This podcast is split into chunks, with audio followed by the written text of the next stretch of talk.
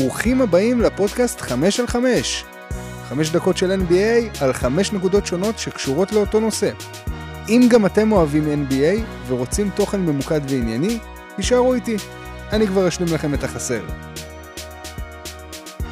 אז מה היום על הפרק? היום נדבר על הטריידים שקרו בשבוע וחצי האחרונים. מתחילים.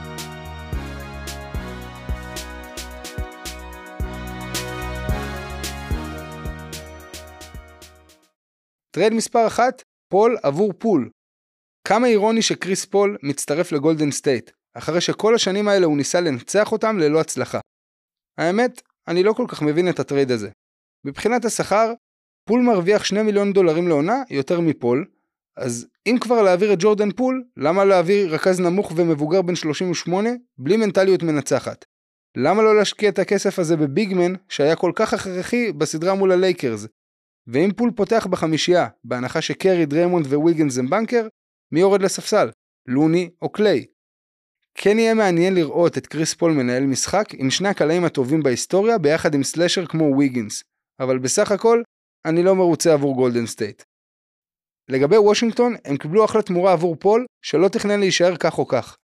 ייתכן שבלי אור הזרקורים, ועם העובדה שקייל קוזמה יהיה שחקן חופשי, אולי פול כן יתפתח לכוכב שחשבו שיהיה אחרי האליפות של הווריורס. ה trade השני שאדבר עליו הוא ה trade המשולש. בוסטון מעבירה את מרקוס סמארט ואת הנשמה שלה לממפיס, מקבלת בתמורת קריסטפס פורזינגיס מוושינגטון, שמקבלת את טיוס ג'ונס מממפיס. כל השמחה שהייתה לי ב trade הקודם, נעלמה ב trade הזה, משום שטיוס ג'ונס הוא point guard נהדר, שהצליח למלא את החלל של ג'ה מורנט בממפיס עם ניהול משחק מעולה. ועכשיו הוא יוציא את הכדור מהידיים של דני שלנו. בנוסף, ה trade הזה הוא דז'ה וו בשבילי. זה החזיר אותי לעצב של ה trade של בוסטון על איזאה תומאס, אחרי שכיכב באותה עונה, סחב עם פציעה את בוסטון עד לגמר המזרח, ואיבד את אחותו חודש לפני בתאונת דרכים. אותו דבר הם עשו עם סמארט, הוא היה הלב של הקבוצה, ואחד משחקני ההגנה הטובים, אם לא הטוב שבהם בקבוצה. אותו דבר הם עשו עם סמארט, לא רק שהוא היה הלב של הקבוצה, הוא היה אחד משחקני ההגנה הכי טובים בקבוצה, אם לא הטוב שבהם.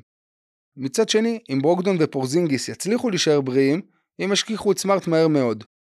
פורזינגיס יפתח בחמישייה, מה שכנראה יעביר את אל הורפורד לספסל, היות והאחרון יודע לקלוע שלשות, וויליאמס חשוב מדי בהגנה וב pick and roll. trade מספר 3, ג'ון קולינס עובר ליוטה. אחרי חודשים של ספקולציות, אטלנטה הוקס סוף סוף לחצה על ההדק בעסקה שדי הייתה ידועה מראש.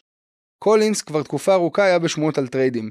ביחד עם קולינס, אטלנטה שלחה בחירת סיבוב ראשון ליוטה, שהביאה להם בסך הכל בתמורה את רודי גיי הקשיש ובחירת סיבוב שני עתידית. אז למה לעשות מהלך שכזה? כי ההוקס היו צריכים לפנות מקום בתקרת השכר כדי לא לחרוג ממנה, אז הם פשוט המשיכו הלאה מקולינס. ליוטה זה היה מהלך מתבקש, כי קולינס הוא עדיין שחקן רק בן 25 עם המון פוטנציאל. ליוטה זה היה מהלך מתבקש, כי קולינס הוא שחקן רק בן 25 עם המון פוטנציאל. העסקה עלולה להיות בסופו של דבר גניבה, אם מאמן יוטה וויל הרדי יוכל להפוך את הקריירה שלו כמו שעשה עם לאורי מרקנן בשנה שעברה. trade מספר 4, דאוויס ברטאנס לאוקלהומה סיטי. דאלאס עשתה עבודה מצוינת. היא השתחררה מהחוזה המעיק של ברטאנס והתחמקה מלשלם לו 22 מיליון דולרים לעונה הקרובה. הם החליפו מקומות עם אוקלהומה הצעירה, שקיבלה את הבחירה העשירית ובחרה בקייסון וואלאס בתמורה לבחירה ה-12. trade מספר 5, רשון הולמס מגיע לדאלאס. trade מצוין נוסף של דאלאס, שהנחיתה לקבוצה את רשון הולמס, ה center המחליף של סקרמנטו. הולמס התייבש על הספסל של הקבוצה מקליפורניה, מאז שסבוניס הגיע אליה. אז למה סקרמנטו עשתה את זה? כי הולמס מרוויח 12 מיליון דולרים לעונה הבאה, והמהלך הזה מפנה מקום עבור סקרמנטו, שכעת יש לה 30 מיליון דולרים פנויים להנחית שחקן גדול נוסף. סקרמנטו מכוונת גבוה. תודה שהאזנתם, עד כאן להיום ב-5 על 5. אני הייתי דקל סלמון, שיהיה לכם יום נפלא, להתראות.